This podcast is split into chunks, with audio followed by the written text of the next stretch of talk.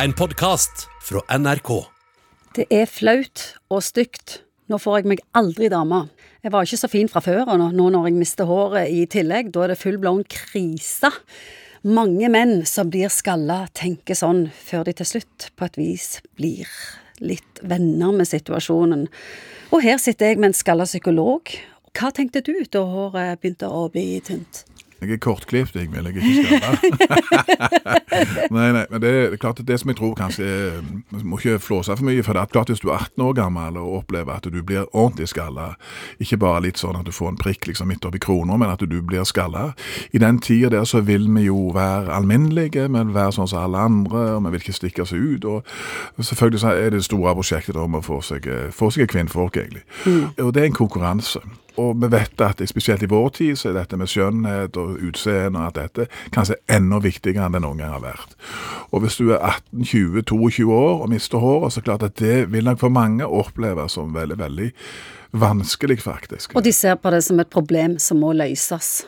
Ja, det kan du si. Og så er det ikke så enkelt å finne noen løsning på det, så vidt jeg forstår. Men hva psykologiske effekter kan det få på en 17-18-19 år gammel mann å miste håret? Du er akkurat i ferd med å finne hvordan du skal være mann, og, og, det handler om selvfølelse, det handler om drøss med sånne ting.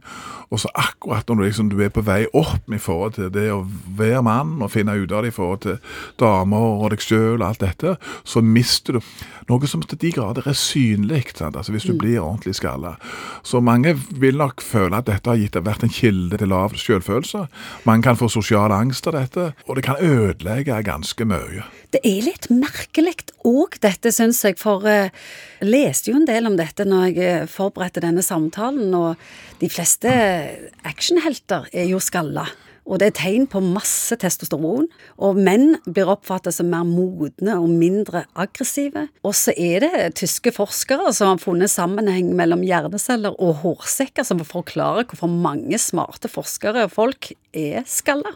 Når, dette da inntreffer, du blir kanskje ikke actionhelt som 18 eller 19 eller 20-åring, er du sånn 45 og sånn som det, så er det litt annerledes. Fordi at du, hvis du ser det grunnen, så ser du at da har liksom maskulint hårtap begynt å bre om seg litt, grann, og du er ikke så alene. Det er mer vanlig, og veldig mange har jo da kanskje òg både fått seg damer, unger og alt dette.